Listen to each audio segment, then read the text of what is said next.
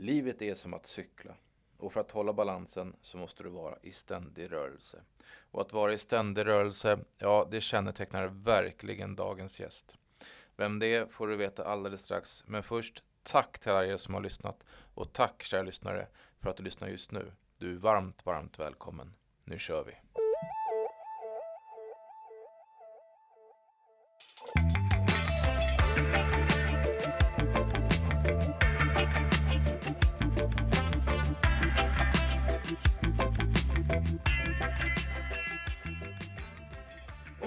Ni som vanligt är varmt välkomna till är ett nytt avsnitt av Enström och Gausel. Och på min vänstra sida så har jag då eunucken från Ekensberg. Välkommen Anders!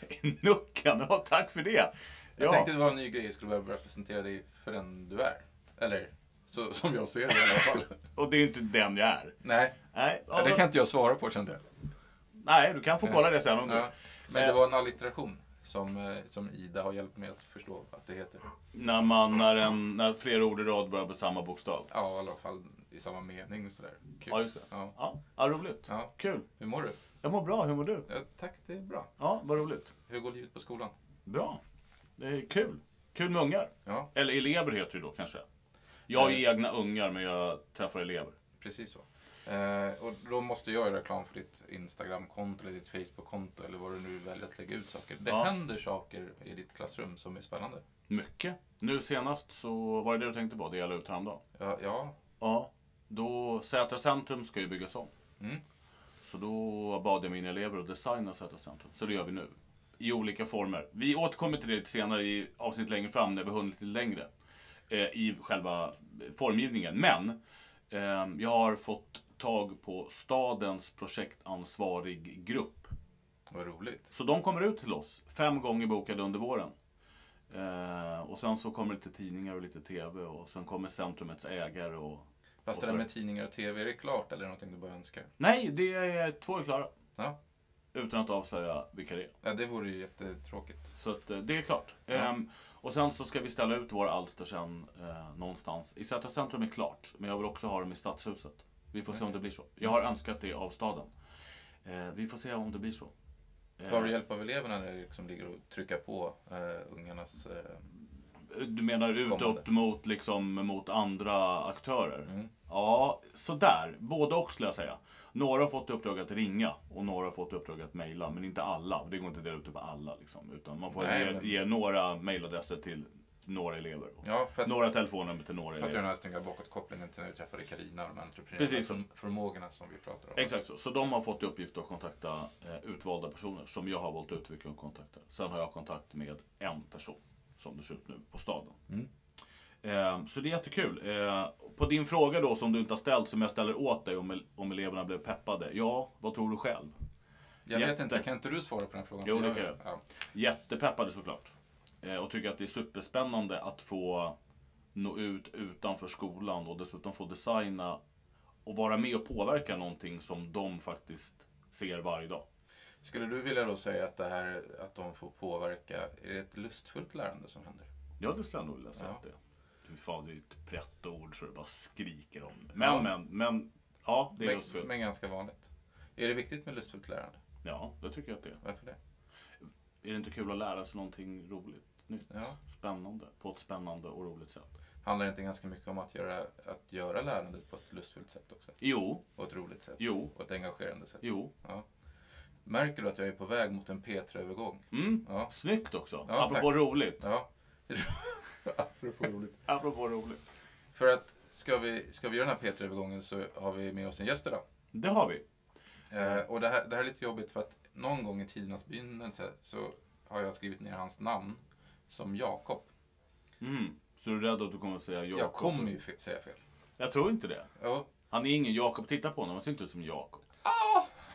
Okej, han ser ut lite som Jakob. Okej. eh, Eh, Ja, eh, ja, förlåt. men med det sagt, eller vill du komma in? Nej, men jag skulle bara säga att jag har en närmare relation med våran gäst än vad du har. Ja, så är det ju.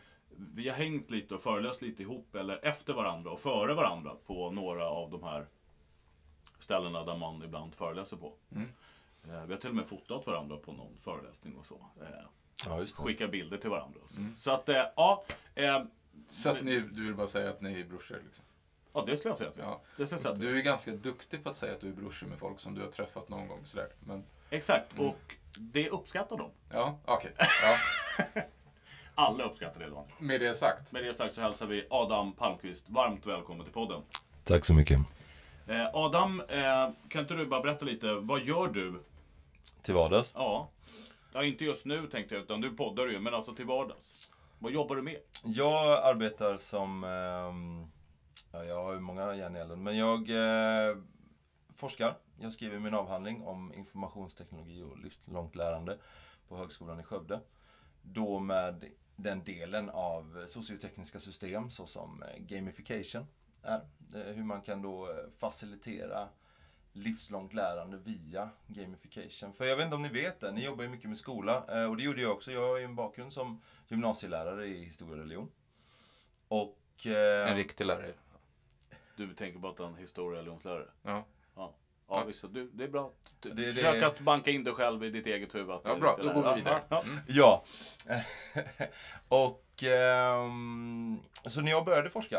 Eh, för jag, jag ska säga så att min forskning är finansierad av ett, eh, jag är industridoktorand. Det är ofta någonting som sker eller som existerar inom produktionsindustrin. Det är därför det heter industridoktorand. Men det börjar få namnet företagsdoktorand nu i och med att det är företag som finansierar dem.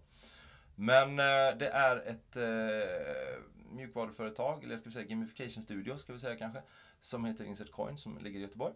Som finansierar min eh, doktorandtjänst. Och, så den forskningen jag gör, gör jag på deras plattform som heter Gwen. Som står för Gamified World Engine. Och jag, innan jag började jobba på Insert Coin, eller innan de eh, rekryterade mig för att göra det här, så eh, hade jag ju eh, haft ett brinnande intresse för just lärande och spelifiering, eller liksom motivationsbaserat lärande och instruktionsdesign. Eh, så att jag har ju en, en lärande ingång i min forskning, eller någon form av utbildningsingång åtminstone. Och jag trodde ju helt och fullt att min eh, doktorand, eller hela min avhandlingsprojekt skulle handla om eh, kanske högstadie och gymnasieskolan. Och hur man skulle kunna hjälpa till. För jag jobbar ju, har ju jobbat väldigt mycket med elever som inte har klarat skolan. Och jag ser ju gamification som en stor Motivator. motivator, facilitator, hjälp, bildsaga eller vad ni vill egentligen. Va? För att hjälpa elever att klara skolan, eller klara liksom höja sig lite. Men det är inte det som jag forskar så mycket på idag faktiskt. Eh, för de som kom skrikande till mig när jag, efter mitt första forskningsprojekt, efter mitt för, min första artikel. Det var faktiskt eh, produktionsindustrin. Jaha. För där är vi någonting som kallas Industri 4.0. Eller det som heter Arbete 4.0. Och helt ovetande om det här när jag står nere på Hannovermässan, på golvet där. Jag har eh, ett halvår in i min forskning. Och visar upp det här, Gwen då, när vi har satt in det i ett Learning Management System i eh, Canvas. Eller får man prata om? Här? Ja, det är absolut. Det, absolut. Eh, I Canvas, för det är ju 90% av alla eh, högskolor i Sverige har, använder Canvas idag. Jag tror att det är 80% av alla högskolor i Skandinavien använder Canvas idag. Det är stort. Ja, eh. LMS. Och vi sätter in eh, Gwen i det här. Och visar upp det här på Hannovermässan.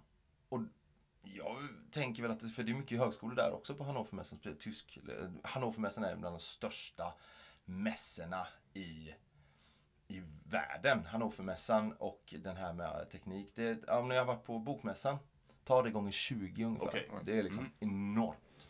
Jag tror att det är 200 000 deltagare. någonting. Men då är det inte högskolorna som kommer springande. De tyska högskolorna eller de europeiska högskolorna. Det är Siemens. Det är SKF. Det är ABB. Och säger så här att problemet är att digitaliseringen går så fort. Och vi har en arbetsstyrka som har jobbat i 20-30 år.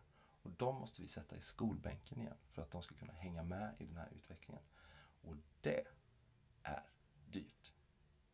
Och om vi kan då facilitera det här via gamification, då är vi liksom, då är vi, Då är vi hemma. Ja, då är vi hemma. Det här är intressant, för det här är ju samma sak som skolan ställs inför. Mm. Det har varit likadant väldigt länge och så helt plötsligt så sätter digitaliseringen fart. Mm. Och så är det massor med lärare som behöver utbildas på ett eller annat sätt Mm. i digitaliseringens fart.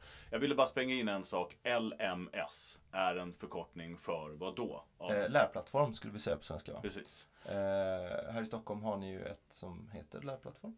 Ja, skolplattformen Skolplattformen heter Skolplattformen heter det. eh, Eh. Och ehm, Ping, äh, Järntorget heter det i Göteborg Ja, till precis. exempel. Jag tror att de håller på att fasa ut det till eh, en Google-lösning. Om jag inte minns helt fel. Eh, så är det. Så är det. Mm. Så är det, så ligger det till. Jag, vill, vi ville bara, eller jag ville bara förtydliga LMS. Mm. Ifall det är någon som inte är... Så. Men det som jag vill bara, det som jag tog med mig från den här helt omvälvande upplevelsen i Tyskland för snart ett år sedan för mig.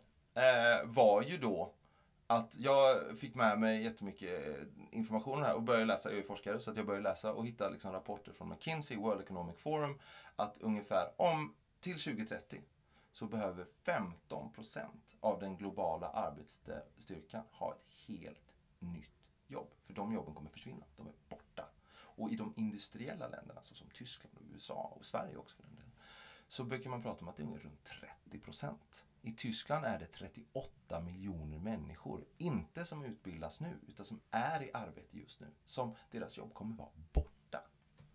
De måste ha ett nytt jobb. I USA är det 155 miljoner människor som inom 10 år behöver ha ett helt nytt jobb. Och utmaningen ligger där. Hur tusan ska vi utbilda dem då? Ja, det är Det är ju det är det jag forskar på. Jag försöker ju rädda världen lite varje dag. Ja. Det är som en Eh. ambulansförare, tänker jag. Mm. Och rädda en person. Ja. Ja. vi, vi, pratade, bara vi pratade innan, Ja. innan sändningen om ödmjukhetens fader och moder. Ja, Nej precis. men alltså inte skämt åsido att, Ja, inte jag att jag försöker rädda världen men att om det här kan facilitera, jag säger inte att gamification är lösningen. Men jag, eller blended learning eller vad man vill. Men att man kan bidra med en pusselbit i det här. Ja. Då kommer jag vara ganska nöjd sen när jag, liksom, när jag stänger boken. Ja, absolut. Och den dagen hoppas vi dröjer. Ja, tack. Eh, ja, Eller? fint sagt. Ja, tack. tack. Ehm, så där ligger utmaningen och där är där du pusslar nu. Backar vi bandet lite grann Mm. så har du gjort eh, insatser mot, mot svensk grundskola och så. Mm. Du sa tidigare att du, var, ehm, du är lärare. Ja. Var någonstans har du verkat som lärare?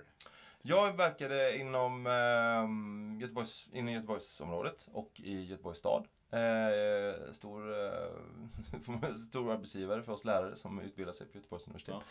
Eh, jag är ju faktiskt inte i grunden lärare. Vilket jag tror att det har gagnat mig ganska mycket. Eh, jag är i grunden museipedagog. Mm. Så att jag började jobba på museer. Jag har, en, eh, jag har två masters, en i idéhistoria, eh, en i mediehistoria. Och började jobba på museum för där det fanns ett skriande behov ett tag. Jag skulle doktorera i historia ett tag. Eh, men det fanns ett större skriande behov. Eller, det fanns ett, eh, ett sätt att jobba inom Göteborgs stad på museer. Det fanns väldigt mycket pengar av någon anledning. Jag kommer inte ihåg varför. Oj. Eh, så att det fanns jobb Ja. inom museivärlden. Eller inga fasta jobb, men det fanns. det fanns eh, uppdragstjänster. Så att där jobbade jag ett par år. Eh, men sen försvann, så som det kan hända i sådana här kommunala projekt. Helt plötsligt försvinner pengarna. Eller projekten tar slut och det finns ingen fortsättningsprojekt. Och då fann, var vi ganska många museipedagoger som hade då hoppat av våra doktorandutbildningar, eller våra doktorandaspirationer inom våra humanistiska ämnen. Som gör då att vi måste hitta nya tjänster. Och eh, då var ju skola ett alternativ såklart. Såklart. Eh, för det var ju många, jag höll ju museilektioner då. Och hade museipedagogik då och läste. Eh, så då var det ju väldigt många lärare som hade frågat så här. Du är inte sugen på att börja, för då var det lärarbrist, det är det fortfarande. Men du är inte sugen på att komma och vicka hos oss? Och då sa jag, nej men jag jobbar här. Så. Men precis samma, två, två dagar innan jag skulle sluta, då kommer en sån lärare och frågar. Du är inte sugen på att? Jag bara, jo! Den här gången är jag sugen. Så då eh, hoppade jag in i en, eh, en sexa. På ett, eh, en, ett, en F9 i Göteborg. Och jobbade där ett par år. Sen så blev jag headhuntad av Magelungen. Som ni känner till, Ja. är ju, är ju stockholmare så de är stora här. Mm. Det var inte så stor i Göteborg då. Man visste knappt vad det var. Men de såg hur jag jobbade med, de hade en, eh, det som kallades hemmasittare då. Nu är det väl elever i långvarig skolfrånvaro eller Ja, långvarig problematisk skolfrånvaro. Eh, som de försökte skola tillbaks. Och eh, jag eh, la väldigt mycket tid och energi på den här eleven. Eh, och de tyckte att det sättet som jag arbetade med den här eleven var väldigt positivt och bra. Att jag hade liksom en, tre, eller en approach eh, som de tyckte. Så då frågade de mig om jag ville inte komma och jobba på Magelungen då. Eh, den är ganska ny, då var Magelungen nystartat i Göteborg. Så då hängde jag på där och jobbade där ett par år. Och det som jag, precis som jag sa till dig, Magelungen på den tiden, och särskilt i Göteborg kanske, hade en ganska låg digitalisering. Mm. De hade jobbat väldigt mycket med andra världen. Eh, de har ju väldigt beteendevetenskapliga värden och jobbat med på eh, som är väldigt effektiva. Definitivt för den här, eh, för ni som inte vet och ni som lyssnar, är ju Magelungen är ju en skola för elever med omfattande behov av särskilt stöd, tror jag det står på deras hemsida fortfarande. Där, eh, då är det mest eh, ADHD, ADD, autism, elever som, som inte kan inkluderas eller som har väldigt svårt att inkluderas i den här, eh, ska vi säga, ordinära skolformen då. Och måste ha den här. Det är, många av Magelungens skolor var gamla resursskolor. Som inte får finnas eller som inte skulle upprätthållas kommunalt längre. Och då eh, blev, gjordes om. I Stockholm var det väldigt mycket så. Mm. Och fanns mycket, här finns det, har ju Magelungen väldigt mycket kolloverksamhet och sånt där kvar. Ja. Mm, och det är häftigt tycker jag. Ja, det är ju superbra. Eh, så att de har jobbat väldigt mycket med så här eh, personlig utveckling och sådär. Och, men digitaliseringen låg, var låg då. Och där kunde jag dels att jag har ett brinnande intresse för digitalisering. Dels att jag eh, höll på att skriva min tredje master, eller magister på den tiden, inom eh, tillämpad informationsteknologi. Eh, för jag, ja, ja, nu hör jag att jag har lite problem att sitta still. Eh, eh, så att jag, vad heter det, höll på med det. Så att jag hade en del kurser och såg det här som väldigt spännande och fick då chansen att vara digital utvecklingsledare i Göteborg. Så där, Är det det som är startskottet? För nu är, nu är du inne på att du... jag föregår dig kanske i ditt retoriska Ja, upplägg. jag har absolut inget retoriskt upplägg någonstans faktiskt. Eh, oftast. Men du kommer in i skolan, och Mm. du jobbar hårt med en elev, du hittar en strategi med den eleven, du blir headhuntad till Magelungen där du får börja titta på liksom, digitaliseringens Mm. krafter i den här liksom, strategin du har. Precis, och så läser jag det här, det hette korta lärarprogrammet förut, nu heter det kompletterande pedagogisk utveckling tror jag. Ja. Eh, men läste det parallellt då, för Mm. det fick man göra. För då fick, fick det, om man hade en tjänst, och det hade jag, så kunde man läsa eh, korta lärarprogrammet på 50%. Så att du kunde göra det samtidigt som du jobbade. Liksom. Okej. Mm. Så att det, var, det var också en stor ynnest. Eh, för jag tror inte det, det fanns i Göteborg. Föregångaren till det som idag kallas för Lärarlyftet. Ja. Ja, just det. Eh. Men det var väldigt, det var väldigt, och de var, var, det var skönt för de var väldigt flexibla med deadlines och de liksom förstod att, för det, det, legitimationskravet låg för dörren liksom. Mm. Och vi var tvungna, och jag hade ju, eftersom jag hade, hade liksom, jag hade ju religion och historia så det var ganska lugnt. Jag behövde ju bara läsa utbildningsvetenskapen. Ja. Eh, bara, ska jag Mm. inte säga såklart, för då blir någon, någon pedagog. Men det blir ju betydligt mindre att läsa än om man ska läsa in ämnena också. Exakt Precis så. Så, att, eh, nej, men så, jag, eh, så det tog väl eh, tre terminer då, tror jag. Borde Mm. väl bli. Yes. Så. Mm. Eller sex då egentligen, men på halvfart. Så att, men det gjorde jag samtidigt. Och det var ju väldigt det gav mig styrka. Dels att jag jobb, hade jobbat som museipedagog. Jag, fick, jag tror jag kunde tillgodoräkna mig någonting där också tror jag. Men dels att jag kunde säga att så här kan man jobba med pedagogik. Man behöver inte tänka rader och klassrum och så som det ser ut. Så här. Man kan tänka lärmiljöer till exempel. Eh, och där hade ju fick den här museipedagogiken bygger väldigt mycket på storytelling egentligen. Va? Det som eh, är väldigt eh, framträdande i viss gamification, det som jag Mm. kommer snöra in på senare. Då.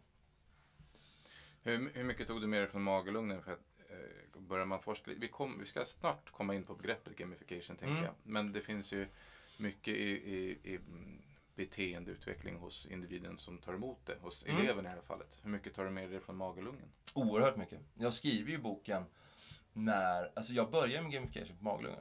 Eh, för att jag kommer ju från en skola där eleverna i Göteborgsområdet, i Göteborgs stad, där vi har ganska hög motivation på eleverna.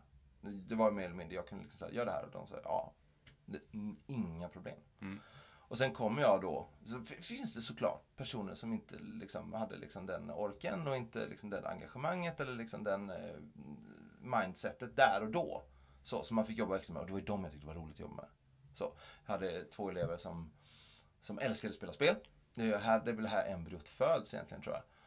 De älskade att spela spel och då har precis, jag tror det är Assassin's Creed eh, Revolution som har kommit. Det är typ Assassin's Creed 3, det utspelar sig under amerikanska revolutionen. Och vi pratar av en händelse om amerikanska revolutionen då. Och de här så här, ja men eh, så försöker, för vet jag att de spelar, så tar jag upp det här då.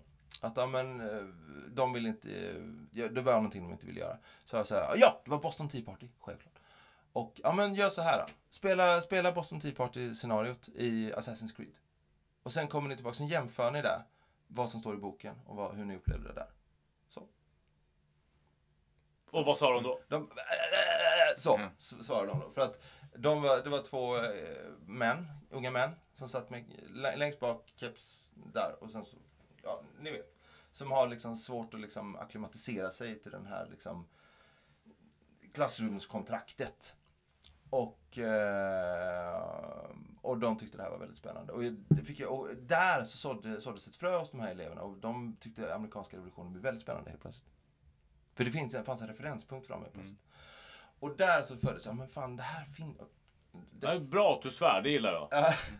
Ja, man ska lära ut svordomar Ja, som ligger bra i munnen. ja, exakt jag lära mig på lärarhögskolan. Exakt så. Ja, eh, men där kände jag så här, wow, det, här, det finns ju en kraft i det här. Och då började jag bli intresserad. För jag har spelat mycket spel, mycket brädspel, mycket...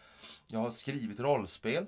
Och När jag, när, också när man, och som jag sa då, museipedagogiken, story, det är ju att man, har, man går in i en roll. Vissa går ju där väldigt långt. Att de, Medeltidsdagen i Visby till exempel, man klämmer ut sig. Det är en cosplay egentligen. Yes. Fast det är liksom, eh, det gjorde vi inte riktigt på eh, museerna i Göteborg då. Men liksom, det, man går in i roller och sådär. Liksom. Och eh, där börjar jag ju, ett embryo börjar sås som jag får möjlighet att leva ut på Magelungen. Och dessutom på Magelungen så får vi ju oerhört mycket kurser i beteendevetenskap. Som vi inte fick på lärarhögskolan. Mm. Där, eh, för Magelungen är, består, ju, består ju på tre ben egentligen. Va? Eh, det står ju på skola. Men så är det ju behandlingsuppdraget. Och sen så är det ju, vad heter det, det här som är funka hemma och väldigt mycket annat. Det är det tredje benet. Som det kan vara allting från att eh, med hemmasittarproblematik, elever i långvarig skolfrånvaro. Men så det är ju lärare, socionomer, psykologer och beteendevetare som jobbar på Magelungen. Och den Det är en fin kombo. det är en fin kom och vad man lär sig. Och så, ja, men, de, jag kommer jag, vi hade föreläsningar för varandra. Så jag pratade om formativ bedömning.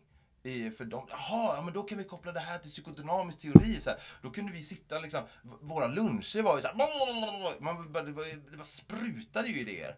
Och sen så fick vi de här kurserna, det kom ju ner psykologer som åkte runt från Magelungen och berättade om så här, så här funkar ADHD, så här funkar beteende, så här, varför liksom, varför ångest funkar på det här sättet. Vet, allt det som jag fick där skulle ju behöva in, trattas in i lärarprogrammet. I alla fall små delar av liksom. För helt plötsligt börjar man förstå, aha. Det kanske, också, det ja. kanske också skulle trattas in på skolor, tänker jag. Ja, ja, jag tror Alltså att man Mm. skulle behöva anställa de här eh, olika yrkesrollerna. För att lära sig av varandra men också för att träffa alla elever på något sätt. Eller träffa rätt på alla elever. Eller åtminstone öka chansen att träffa rätt.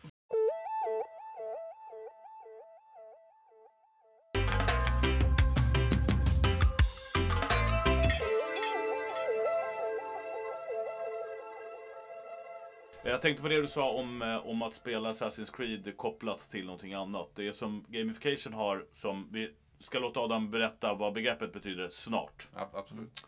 Men det det har fått kritik för det är att man blir bra på att spela Assassin's Creed och inte lära sig någonting som är kopplat till kurs och styrdokument. I det här fallet. Eh, Kan du inte du bemöta det? Ja men det där är, jo, det, det håller jag med om. Att om man bara säger så här, men spela Assassin's Creed.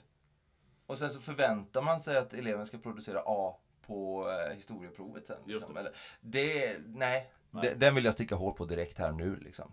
Eh, utan däremot så här, som jag sa då, här är en scen ur Assassin's Creed. Boston Tea Party. Eh, och här är en scen. Fast den är skriven i, text. Det är, en annan, det är två olika form- formers literacy, kan vi börja med att prata Verkligen. om. Va? Där, och, sen så, och där hade jag ju ett oerhört... Jag hade en edge där. För jag skrev ju min masteruppsats i historia, i mediehistoria, om historiebruk. Hur förpackar vi historia liksom? Och hur gör vi den liksom gångbar och sådär. Och... Eh, För övrigt ett av historielärarnas mest missbrukade begrepp. Ja, jag tror det. det eh, ja, för det visste inte jag när jag skrev eh, min masteruppsats. För då ville inte jag, aspirerade inte jag till att bli lärare. Nej. Då aspirerade jag till att doktorera, doktorera i historia. Mm. Dr. Palmqvist då. Nu håller jag ju på med någonting annat. Jag kommer bli Dr. Palmqvist i alla fall. Men det, så, så, var det då. Nej, men och det är ju där så. Jag vill ju så se att de, vilka skillnader kan ni se? Och samma sak om jag skulle, för vi var på en skola där det fanns olika historieböcker. Det fanns den här upplagan och den här upplagan. Och eh, jag ska inte En var från 79 och en var från Ja men en var 83, från liksom. ett, ett tidigare årtal och sen så kunde jag, det, det hade jag jätteroligt åt också. Att så här, ja men läs om eh, stormningen av Bastiljen i den här boken och i den här boken. Det var helt olika. Det stod så här, ja det var en kock som eh, gjorde det här Och så bara, ah, här var det en piga. Det är Ja. spännande. Ja, och det, och det där är jättespännande. Och det tyckte eleverna, men vad är rätt då? Ingen aning. Nej, ingen aning. Och, vi, och förmodligen så är det ingen som vet heller. Förmodligen visste inte ens författaren. Nej, de, nej, det är det jag menar. Och det, det är det här jag menar med, med alltså skolböcker, om man nu ska säga Mm. skolböcker. Det är att det är också, de har fått otroligt hög cred för att vara just läromedel Mm. i tryckt form som det går att bläddra i. Men det är nästan ingen som kollar upp vem det är som skriver dem. Det är liksom, det, det, men så fort det släpps ett digitalt läromedel, Mm. då ska det liksom huggas. Eh, Så det här skulle man behöva titta lite extra på. Ja, det där, det, där det vet jag inte så mycket om ska jag säga. Men jag ska säga så här att där kunde jag ju se, eh, alltså, och där kan man också, sen slänger man på en, en film från eh, någon form av strömningstjänst. Som eh, SLI heter de i Göteborg. Jag vet inte om det finns. Heter här också. Ja, där kunde filmerna säga två olika saker. Och det här är ju jätte, alltså som historielärare, jag ser inte det som ett, det är ju ett problem. Men om jag kan historiebruk så kan jag göra en hel lektion av det. Absolut, Om det. källkritik och allt det där liksom. För det var ju vatten på min kvarn. Och exakt samma, då återknyter vi till Assassin's Creed-grejen då. Vad har Ubisoft?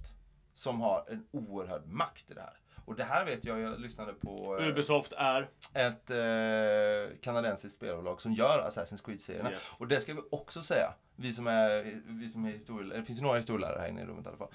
Eh, och no offense. Ehm, att Ubisoft har ju ett o... För de, alla Assassin's Creed-spelen utspelar sig i historiska miljöer. De har ju präglat oerhört mycket personer. Det är miljontals, inte bara i Sverige liksom, utan miljontals spelare på varje spel. Har ju präglat vår syn på historien. Jag vet, jag såg en föreläsning med Carl Heath i London för ett, par, för ett par år sedan. Där han pratade om Assassin's Creed Odyssey. Och med antik, antikdebatten som var uppe var. Mm.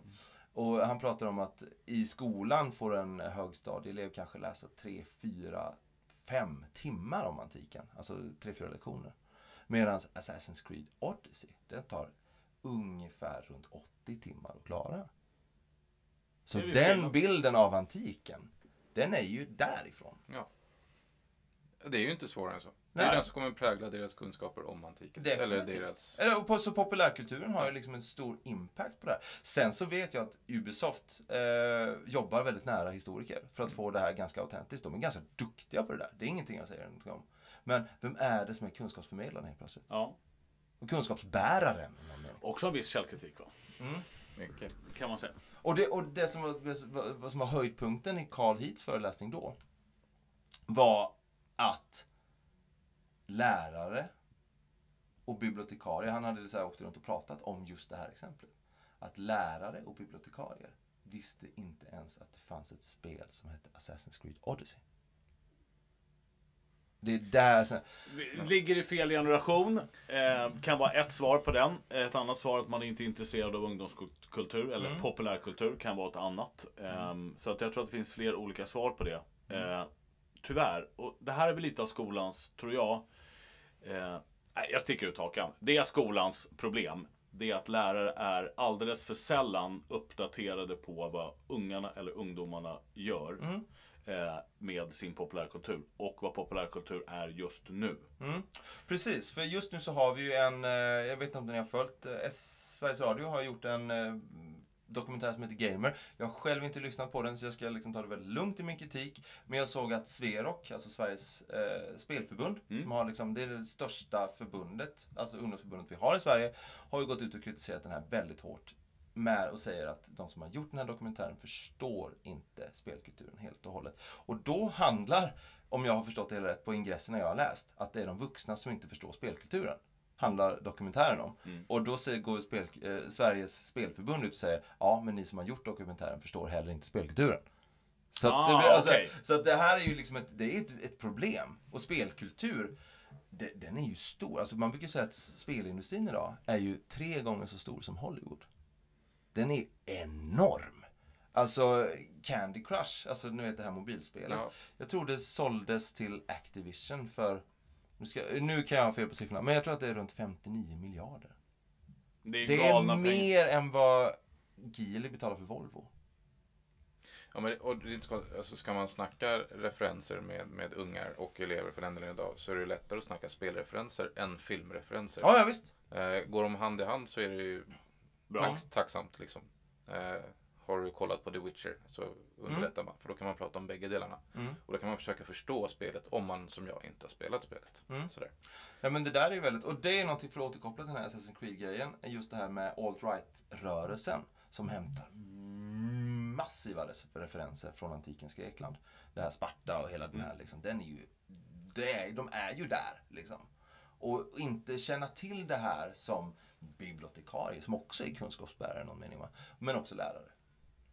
Nej, så att det, det är ett medium som har liksom explosionsartat. Men nu diverar vi lite från ämnet Ja, men jag, jag. tänker att det är viktigt att, eftersom att digitaliseringens roll här är att vi inte kan, populärkulturen är inte böckerna längre, även fast vi behöver läsa skönlitterära böcker Definitivt. också, för det finns mycket att hämta Mm. där. Framförallt eh, liksom jämföra historiska epoker, men även samhällsskildringar.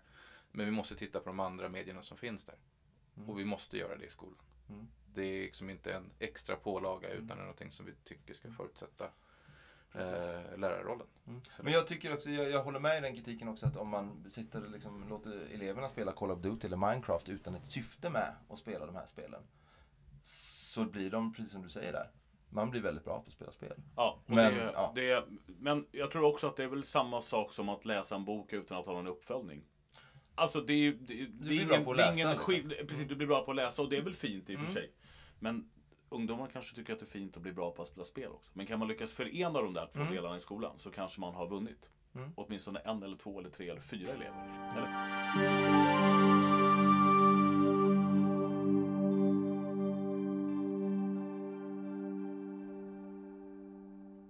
Vi är sponsrade av Loops Education.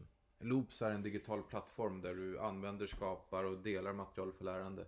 Både för skola och för företag. Du kan kombinera eget material med resurser från webben för att snabbt sammanställa innehåll som både är visuellt intressant och engagerande. Om du vill veta mer, besök loopseducation.com.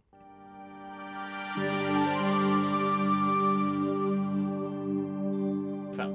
Precis, och nu måste vi ta och reda ut lite begrepp. Nu, Ja. känner, nu är begrepps, Ja, bra. eh, Nu här. blir det Mm. tungt Eh, här. nu blir det tungt. Nu Mm. går vi in i någon slags P1-mode. Nej, Mm. ja.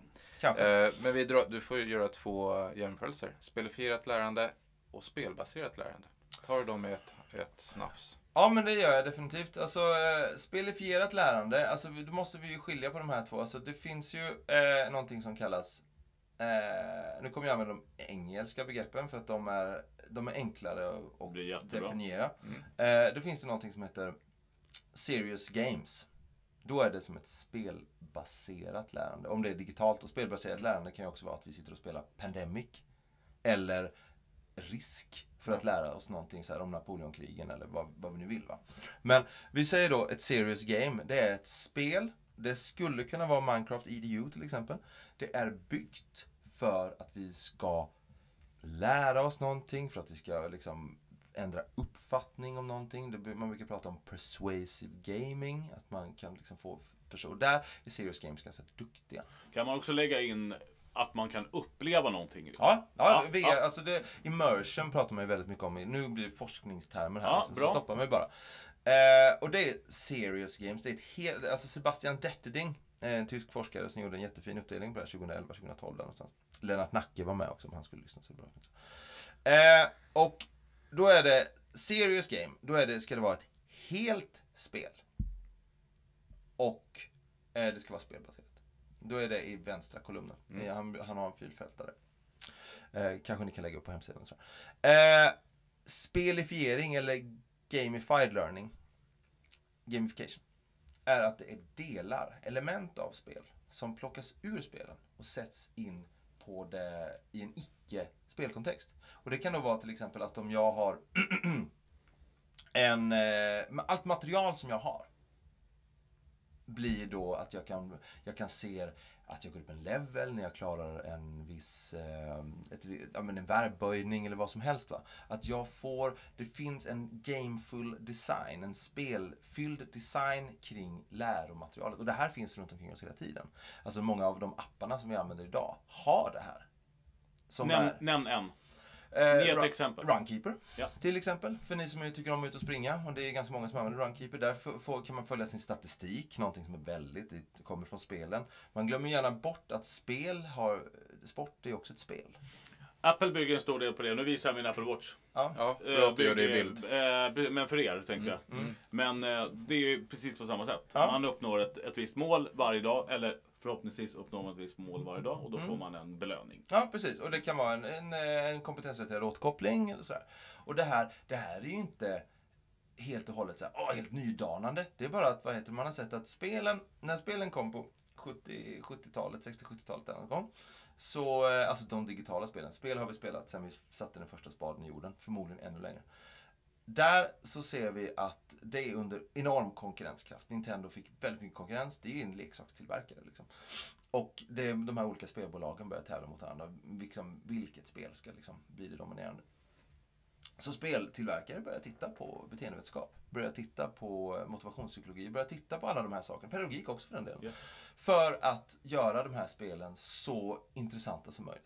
Och så, så intresseväckande som möjligt. Och där har vi då kommit till idag då att spelen har ju en inneboende pedagogik eller didaktik eller om det är liksom rent av en design. Om vi pratar om instructional design, liksom en instruktionsdesign, som är väldigt, den är ganska tilltalande. Vi får det i lagom stora bitar, chunkable pieces och sådär. Men man ska heller inte helt och hållet förledas av det här. För det är alltså Jonas Linderoth till exempel, som har forskat väldigt mycket på det här med spelbaserat lärande menar Professor vid Ja, prof- Högskolan i Skövde va? Ja, han är väl trippelprofessor. Men Jaha. eh, ja, han är väl på Försvarshögskolan också. Han har ju forskat väldigt mycket på eh, Wargame. Alltså det som man gör när man gör lumpen och sådär. Eh, försvarsutbildning. heter det. Eller Ja. lumpen. Eh, och, och i pedagogik också. Så att han är ju, han är ju mediaprofessor i Skövde, pe- pedagogikprofessor i Göteborgs universitet då, på pedagogen. Och på Försöksskolan. Men där han till exempel, man kan ju också luras, luras av att när man till exempel levlar i World of Warcraft kan vi ta det som ett exempel. Då blir ju ens karaktär bättre. Det betyder inte att du blir bättre som gamer. Nej. Men karaktären blir bättre. Men karaktären blir bättre. Därför kan du uppleva, du lurar dig själv egentligen va? Att du tror att du blir bättre på spelet. Men det är egentligen din karaktär som blir bättre. Det kommer ju gärna i en sån här. Så, så det är ju också någonting. Men gamification rimmar ju inte där speciellt. Det beror på hur gamification design. Men om vi tar en träningsapp då till exempel. Om du ska, vi säger i simningsapp att du har en Apple Watch och sen simmar du och sen så ser du hur långt du uh, hinner under en viss intervall till exempel. Det är ju bara din fysiska prestanda som höjs. Det är ju inte, du får ju inte en, när du går upp en level 3. Klockan du, blir inte bättre. Nej, nej, det. du, nej, precis. Du blir heller inte bättre av att, eller det kanske du blir. Du kanske känner dig mer motiverad av att Ja. du är level 3 och liksom går upp level och vill Men du får inte dig. ett nytt skin. Du får inte ett nytt skin, Nej, du nej. får inte en ny dans i duschen liksom. Nej. Det är liksom, det är, det, är- det är sådär. Så att det finns eh, lite problematik kring det där, givetvis. Eh, och bara säga så här, games are great for learning. För det har jag varit på så många konferenser där de säger, games will change the world. Ja, fast kanske inte riktigt som ni tänker. Men, men går det att koka ner gamification till tre huvudingredienser eller fyra eller så? Ja, För att liksom skapa förståelse hos de som är, tycker att vi är surriga nu. Liksom. Mm. Så. Eh, jag brukar säga så här att gamification bygger väldigt mycket på att du måste förstå. Gamification, jag kan inte koka ner det sådär, men jag kan säga så här att gamification ligger, eh, i den forskningen som är gjort kring gamification, så har man liksom slått fast att den ligger mycket, mycket närmare beteendevetenskapen än vad serious games och entertainment games nu, nu gör jag massa gester Ja. med händerna här.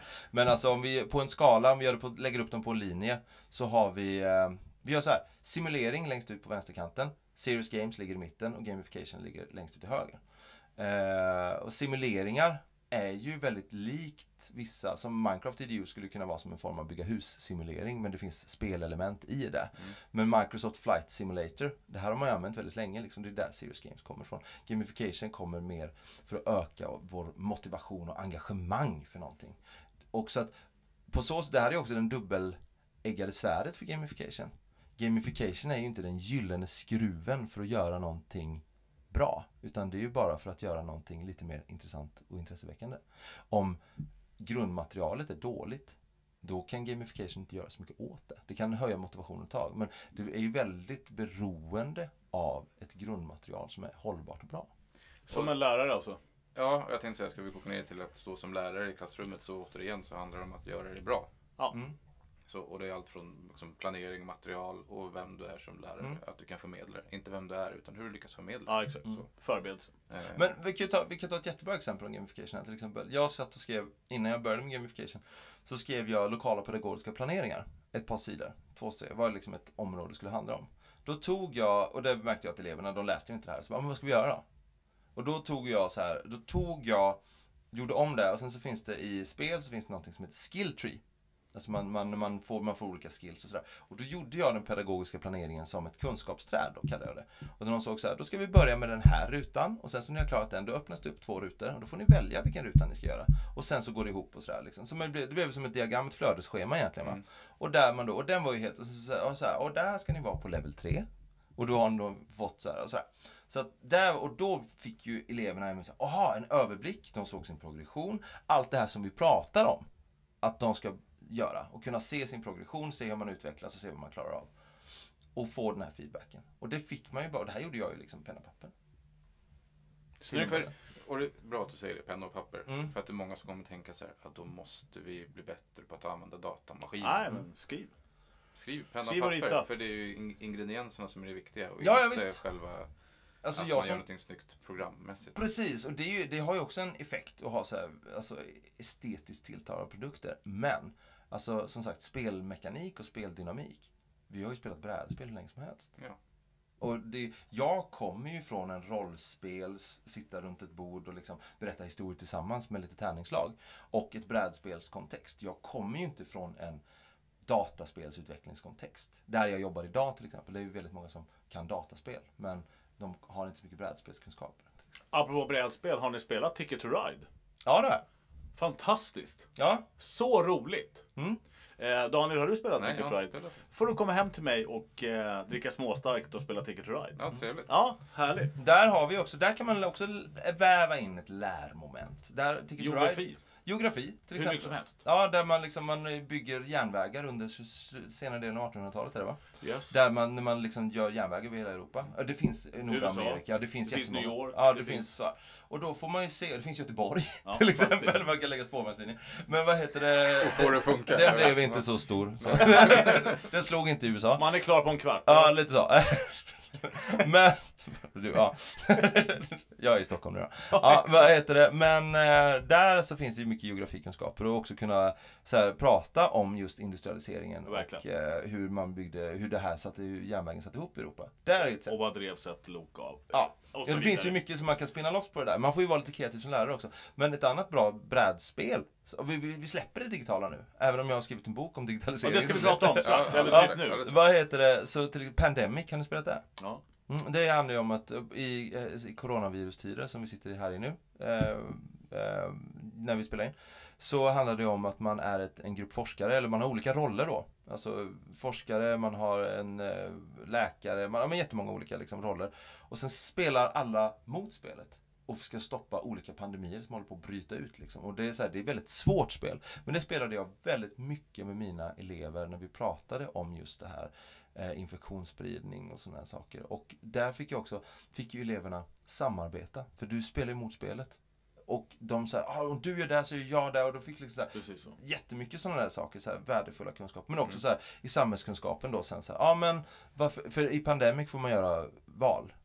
Alltså, ska jag rädda New York eller ska jag rädda Chicago liksom? Det, vi kan inte rädda båda. Det finns, eh, det finns ju, den har ju funnits ett tag, det finns en app som bygger på samma sak. Nu kommer jag inte ihåg vad den heter, men Och Plague Inc kanske? eh, ja, Ja. exakt. Eh, precis så. Mm. Där är Och ju- Pandemic finns digitalt också Exakt. som du kan ha på paddan. Så. Så det, by, det bygger på samma, samma idé om att antingen ska du sprida viruset eller så ska du stoppa viruset. Mm. Och det är oftast själva spelkonsolen eller brädspelet som sprider viruset. Mm. Och vi som sitter och styr eller försöker styra ska stoppa det. Ja, Men att se, det här är också, kan vi så här diskutera hur WHO jobbar. Liksom, så här, men vad, vad, vi, har, vi har begränsade resurser, hur ska vi göra? Ska man stoppa, ska man stoppa vissa fly, airliners som går åt vissa håll? Liksom, ska man ställa in vissa mässor som vi pratade om innan vi gick in här i poddrummet? Liksom, Precis. så här, Och vad, vad får. WHO sina pengar ifrån? Och Ja. så vidare. Det finns massor att dra i. ja, ja, visst. Eh, böcker. Tänkte du gå in på det nu Nej, jag tänkte inte Nej, det då skiter vi i det. Ja, vi, går, vi kommer dit. För Mm. Gamification har funnits, vi brukar säga att det är buzzwords, men det är bara- Mm. alltså, någon slags metod som kommer in i svensk skola. Det har funnits länge nu. Ja, ja. tiotalet år skulle jag väl nästan Ja, säga. Så ja. Hur ser det ut i svenska klassrum idag? Används det som en metod? Används det framgångsrikt och på ett bra sätt? Jag vet, vi? alltså det som, det som jag vet ju inte eftersom jag har ju snöat in på svensk produktionsindustri Mm. de senaste ett och ett halvt åren. Men jag tror att det används och det finns en stor, ett stort intresse. Det här forskningsprojektet som vi avslutade precis här nu i, eh, i november, eh, Vinnova, ett stort Vinnova-projekt som handlade just om att öka genomströmning. Inte höja betyg så mycket utan öka genomströmning. Få elever att klara sina kurser. Där har vi fått en väldigt, eh, Göteborgs stad har ställt många frågor, Academedia-koncernen har ställt många frågor och eh, där har vi implementerat på tre skolor i Academedia-koncernen. Eh, Göteborgs stad har vi en testskola som vi har implementerat eh, på. Och jag vet att eh, fler skolor här i Stockholmsområdet eh, har ju hängt på och vill använda den teknologin. För den så teknologin som högskolan, ja, det här var ett samarbetsprojekt mellan Chalmers, eh, Insert Coin där jag jobbar, eh, men också Högskolan i Skövde där jag forskar. Eh, och tog fram ett API. Vill någon förklara? Ja, du får gärna förklara Ja. API. En API-lösning är ju då att man vad heter det, sätter in som ett plug-in i en befintlig plattform. Så vi har inte byggt en ny plattform, för det tror vi att plattformströtthet är någonting som är rejält i eh, läkar och sjuksköterskevärlden och Mm. kommer snart bli det i lärarvärlden också om man tittar på forskningen som görs på Högskolan Väst. vad heter det? Och det är ju någonting som jag tycker alla som jobbar med att köpa in plattformar och liksom den här podden, tänk på det. För att sjuksköterskor har många plattformar och vi börjar få lika många i skolan idag. Och man har sett att dokumentationen börjar bli dålig, man går in i väggen och man, brukar, man kopplar det här till de här plattformarna man måste sitta i. Men det är en Här tycker jag att Stockholms stad ska spetsa öronen ordentligt. Mm. Jag tycker På att alla kan lyssna på det. Ja, verkligen. Men det är en helt annan podd, du skulle kunna prata om en Ja. helt annan Ja, gärna. Men jag kommer, får vi komma tillbaka då. Ja. Men vad heter det, just det här då, så då tänkte vi att vi gör den här plugin-lösningen på det befintliga Canvas, i Google Classroom satte vi in det, vi satte in det i en plattform som heter Omnius och jobbade med, som var vuxenutbildning, komvux. Och fick, höjde genomströmningen mellan eh, 8 till 12 procent beroende på om det var campuskurser eller om det var distanskurser och sådär. Och det här är ju, precis som vi pratade om, att så många behöver nytt arbete och sådär. Och höja genomströmningen eh, är ju här, det är ju jättefina värden. Men vi minskade avhoppsfrekvensen. Ännu mer. Då snittar man alltså 10% på det. Ja, men i alla fall så runt 15 procent så minns jag. Så att då istället, och det är ju väldigt viktigt i, eh, på gymnasiekurser men också på eh, distansutbildningar. Att de är kvar, de väljer att vara kvar i systemet. Om de misslyckas så väljer de fortfarande att vara kvar i systemet. Då finns det alltså hjälp, man har tid att kunna hjälpa dem och få dem igenom systemet. Till skillnad från, jag misslyckas, jag går härifrån. Ja. Och så lämnar man. Ja, och lämnar man. Och då har vi ingen chans. Då, då skriver vi ut sig från skolan och bara, nej, vi har inte en chans att få tillbaka. Grymt. Jag, jag vill bara komma till att Ja. det- det jag tycker har eh, i, i det här i klassrummet, det som har ökat senaste åren är ett nytt buzzword och det är escape rooms eh, Just det. tankarna som kommer. Och det kanske vi inte behöver rodda i hela vägen, men det är spännande att se att det händer. Ja, Ja. Mm. absolut. Eh. Ehm, ja, jag tänker på andra saker som kanske också har bubblat upp till ytan. Minecraft EDU till exempel är väl en sak som har bubblat upp till Mm. ytan. Särskilt när det släpptes på fler plattformar än en PC till exempel. Så, liksom, så händer det någonting eh, direkt. Och helt plötsligt får alla, alla skolor får möjligheten att Mm. använda sig av det. Och det är väl ett bra insteg tänker jag, att ha möjligheten.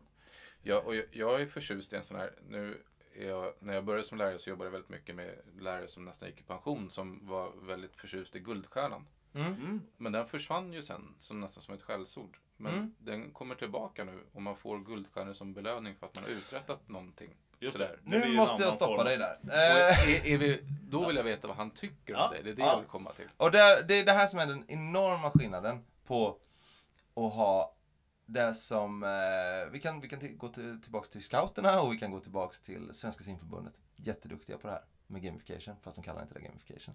Det som du pratar om, teckenekonomier, eh, finns skrivet mycket i Uppsala universitet. Teckenekonomi kan vara väldigt effektivt, men teckenekonomier, guldstjärna, är inte kompetensrelaterad återkoppling, så som en ett Svenska simförbundet, då vet du att du har klarat simma 200 meter. Eh, Simborgarmärket ja, liksom. eh, ryggsim baddaren 50 meter, alltså flyta. Men- då är det, vänta nu. Mm. Då är du, då ser du det här kan jag med det här märket. Teckenekonomin är egentligen som betygssystemet. Att det säger att du har A i tyska. Vad kan jag göra? Det vet jag inte. Men däremot om jag har en badges eller medaljer som vi pratar om i gamification då. Om man vet att nu har du, jag kan i spanska då till exempel, jag kan föra mig i en eh, handelssituation. Mm. Jag kan handla så här, du, du kan så här, beställa, du, så här, där, to, du har guldstjärna i det. Eller inte guldstjärna där, du har eh, commercialista, ja, Någonting. Någonting. Mm. då har du liksom, då, då vet du att du klarar dig. Så när du kommer och är på eh, semester på Mallorca i nian sen då, bara, just det, men jag har ju commercialista medalj. Och sen så går jag dit. Och då vet jag att jag är lite mer säker på att jag, den här glassen jag kommer köpa, jag kommer få en helado. Jag är så nöjd med att jag fick den där förklaringen. Så, ja. För då Eh, slipper vi guldstjärnorna, tänker du?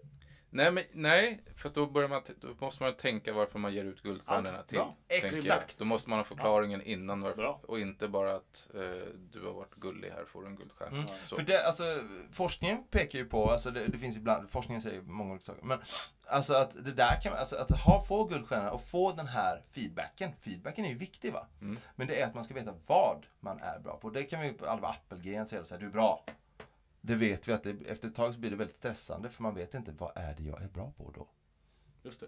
Det vill Nej, man det veta. Ja, Det vill man veta. Om man vill veta vad man ska utveckla. ja precis. Det är väl två ganska eh, självklara saker tycker jag. Ja. Vi hade Jan Steinberg på skolan igår förresten. Ja, Det är ett innehåll för en, en helt annat avsnitt, men det hänger ihop mycket med det Adam säger.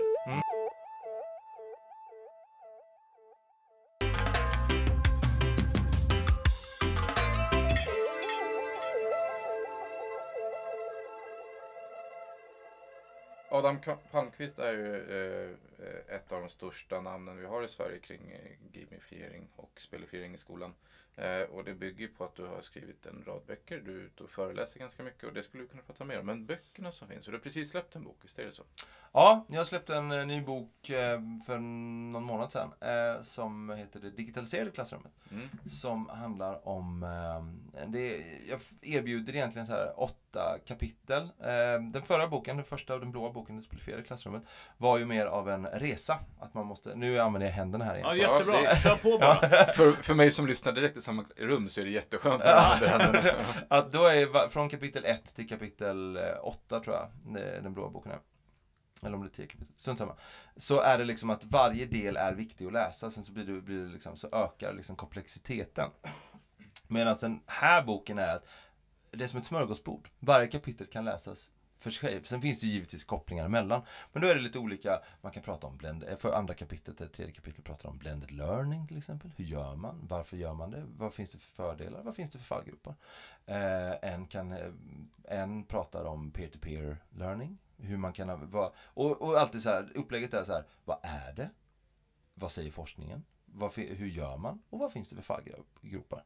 Och sen så finns det en som handlar om kanske em, adaptivt lärande, så här hur man kanske då ska göra, där driver jag, det sticker ut hakan lite så här, att jag vet att på, em, på förskolan och på yngre åldrar så gör man väldigt mycket screeningar på elever för Mm. att veta var de ligger någonstans. Det försvinner någonstans på, eh, när man kommer på högre Under resans gång. ja. Under resans gång. Ja. Och då tar man då för givet att en åttondeklassare, eller vi kan ta då, för det här vet vi, alltså att en eh, femteklassare någonstans, det, det kan skilja sig om när, eftersom vi har ålderkategoriserat eh, vår skola. För en, ett väldigt industriellt tänk om skolan. Sen vi, det är också en podd vi kan prata om. Är man tio år så. Ja, ja, då ska man gå här. Men det har ju visat sig, det pekar ju att en en femteklassare kan vara på en tidig sjuas nivå och kan också vara på en sen treas nivå. Så därför då, om man då gör screeningar och för att kolla, alltså och inte göra det här så här, nu ska vi screena och så blir alla stressade så blir det helt fel. Men att göra sån här, liksom, koll, vad ligger vi kunskapsmässigt och då kunna så här, mm, den här uppgiften för kohort A, den Mm. är lite för enkel.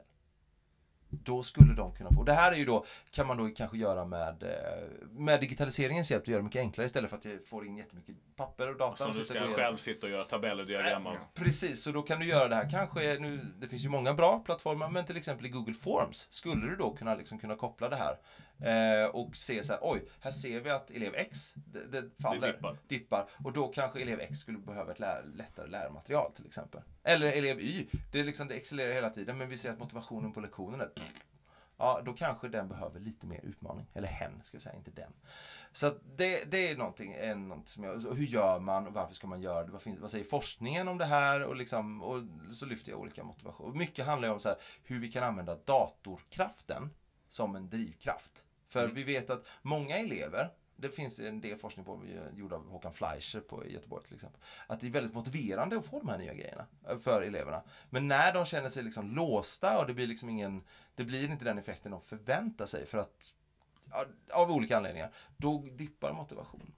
Och det här är också, den här boken vill jag också lyfta läraren, för det finns väldigt många lärare som vänder ut och in på sig själva för att få det här bra. Och många blir lite så här intimiderade av digitaliseringen för att det är så stort. Och eh, det, man går på mässor där det, liksom, det är robotar och det är VR och sådär. Men ni kan faktiskt använda en hel del av de metoderna som ni redan använder.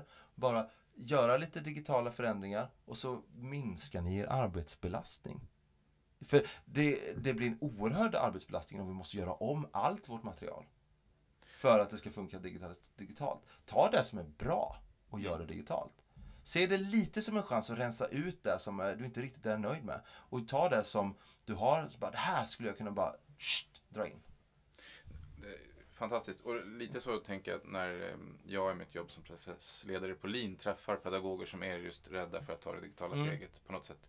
Så handlar det om att göra det som de gör bra idag ännu bättre. Ja. Och förenkla det och göra det mer effektivt. Men framförallt göra det mer effektivt, eller bra. Liksom så. Eh, Utifrån där de står. Mm. Och det kan vara enkla saker och det kan vara jättestora saker. Men Mm. ta steget. På något sätt. Ja. Och det är intressant med din bok är ju då att du tar upp alla de här orden som förekommer och flyger förbi. Flyger över mångas huvud Mm. för att det är ett buzzword. Men att om man liksom förklarar vad det är för någonting och varför man gör det Mm. så blir det begripligt. Tänker jag. Ja, absolut. Men jag, ja, absolut. Jag håller med. Jag håller med. Jag tycker absolut att man ska liksom sikta på på kanske ta in någonting av sin gamla liksom sitt gamla material och göra det digitalt. Kan, jag köper det rakt av. Jag tycker att alla ska göra det. Men jag tycker också att det är lite bekvämt på lärarhåll. Absolut. Alltså, det, det, det, Adam försöker att övertyga på något vis om att lärare ska göra det. Jag försöker det, du försöker det. Det är bara frågan om hur mycket som görs. Det blir liksom för bekvämt. Ibland så skulle man behöva ha en blåslampa i rumpan också. För att göra och för att testa, tror jag. Jag tror att det är superviktigt. GSD. Get Get- shit done. Verkligen, get shit done. Man måste också göra det. För att nu, för att då dra tillbaka till där du började prata Mm. om idag. Eh, och det du jobbar med idag. Att vi står inför en framtid där vi måste utbilda arbetsmarknaden för någonting som vi inte riktigt vet än. Men när vi väl kommer dit så måste de utbildas. Och det mest effektiva är ju någonstans att hitta en utbildningsform där de triggas själva. Ja, men någon inre motivation och då kanske gamification kan hjälpa till med det på ett eller annat Mm. sätt. Att skapa den inre motivationen. Likväl som ett Google-formulär skulle kunna liksom trigga. Jag menar, det är väl jätteskönt. Man kan ju bara så här, en fråga, svarsalternativ, klicka i. Du kan, eleven kan få svar direkt på om det är rätt eller fel. Mm. Det blir jättebra. Och sen, det blev fel, gå och prata med din kompis.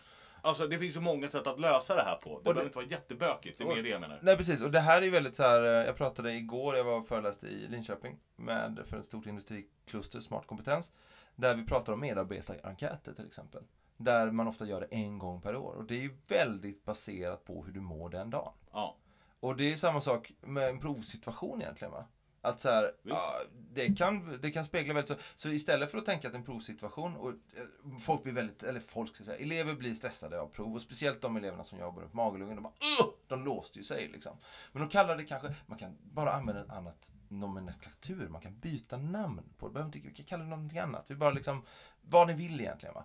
Och sen så göra det, dela upp proven istället för att göra ett stort prov så kan man göra fyra mindre och då får man ju också en liksom, när vi pratar big data och sådär, då helt plötsligt börjar du få kurvor och kan säga så här: wow, elever funkar liksom, eh, den här eleven kan ju fast eh, tisdagar kanske inte är jättebra att sätta de här för att alla elever Ja, på, eh, när jag jobbade på Magelungen då visste vi, visste vi till exempel att då hade de eh, Eleverna hade social och emotionell färdighetsträning på onsdagen. Eh, mitt, på, eh, mitt, mitt på dagen. Det var ganska jobbigt. Så att de, eh, men det var bra. För att de fick, ut, fick prata väldigt mycket om det som var svårt. Men vi visste att som lärare då så Så var man det ju, inte man la inte upp någonting, eh, inte före eller efter, men då gjorde man andra saker, bra saker. Och det är ju samma sak, jag försökte ha en religionslektion på, eh, när jag var eh, lärare kommunalt, med en eh, sjua som hade haft gymnastik innan, sista lektionen. Katastrof. Ja. Precis, och det, det där är också såna här grejer man kan tänka med digitalisering, med schemaläggning och sådär. Vi kan ju de här grejerna, men när man får de här att samverka, översikten, nej, men vi kan inte lägga en mattelektion innan lunch, för det, är sv- det blir svårt. Då kanske man ska, du säger inte att någon annan behöver stryka på foten, men eller så får man bara tänka om, vad ska jag använda den här lektionen till istället liksom? För att du kan inte gå igenom det här tuffaste när man sitter som tonåring, är svinhungrig. Nej, det, är- Det det, går inte. nej, det är svårt. Jag vill bara, jag vill bara, får jag göra reklam? Eh, det här är en eh, fri eh, podd, höll jag på att säga. Det är inte alls det, men kör. Du är superfri, vi- det är ändå liksom... Vi har inga statliga incitament för att du inte får göra reklam. Nej, det är sant. Nej. Det är sant. Eh, eh, Adam pratar om att man kan göra prov på olika sätt. Eh, då vill jag rekommendera en bok och det är min egen bok. Där har jag lite, där har jag lite förslag på hur man kan göra istället för att göra just det här provet. Tack. Och boken heter? Förlora läxan, vinner eleven. Ja. Eh, nu har du fått säga en bok, Adam har fått säga en bok. Eh, vi rekommenderar starkt att eh, ta in Adam som, som föreläsare. Absolut. Så. Det gör vi. Eh, och köp boken. Och köp boken. Ja, och som böckerna. heter vad då? Den nya, Ja, den heter Det digitaliserade klassrummet. Och den Yes. första heter Det spelifierade klassrummet. Och De eh, om jag får göra de reklam... olika färger. ja, de har olika färger. Om jag får göra reklam också så är ju eh, jag i min eh, forskargärning eh, driver väldigt många Vinnova-projekt och liknande. Så att, hör gärna av er om ni har något spännande projekt som ni vill göra tillsammans med en högskola som handlar om lärande. För det är där jag gör i fyra år till, eller tre år till. Eh, jag gör ju det här på 75% så att jag är inne i mitt andra år kan man säga på, som doktorand. Så att, mycket spännande projekt. Eh, Det är många som hör av sig men eh, det är många som inte vågar heller. just det. Eh, för det finns, tänker, åh. finns väldigt många lärare som går runt med superidéer. Men de får liksom inte, nej det finns inte pengar. Det finns, men Vinnova, jag ska slå ett slag för Vinnova som är Sveriges innovationsmyndighet. Jättespännande. Men också om man gör det här i samband med en högskola så eh, då brukar Vinnova säga åh det här kan vara spännande. Och det, så hör gärna av er och så kan vi prata med Har du någon webbsida Adam? Ja, fast det är inte jag som håller den. Det är Eh, din, det är din talarförening. det är min talarförening. Men hör av er till Ad, min forskningsadress då. adam.palmqvist.hiss.se. Och hiss står för Högskolan i Skövde. Inte hiss som i... Inte Transport. Men, Nej, men är det två eller ett S? Det är ett S. Ja. Inte det Skövde. Skövde. Skövde. De som inga behövde. Eller som alla så. behövde, som min nya kollega sa för ett tag sedan. Mm. Ulf. Ja. Eh, med det sagt så, så tycker jag att vi avrundar idag. Du, Och- du får inte göra någon alliteration Nej, det är idag. jättebra. Vi, vi, Det är jättebra. vi är nöjda. Stort, stort tack för att Tack, du kom Adam. hit. Jag har en sån här knapp här så att du hör inte det här men jag hör att du får applåder. Ja, vad trevligt. Mysigt ändå Så. med applåder. Ja. Ja. Eh, och då säger vi tjing och pling va? det gör vi. Tjing och pling, tack och för pling. idag. Tack så mycket. Tack så mycket. Hej då. Gött! Nej, du nöjda? Ja, är du nöjd? Ja, ja, ja. Ja, gör det. Adam.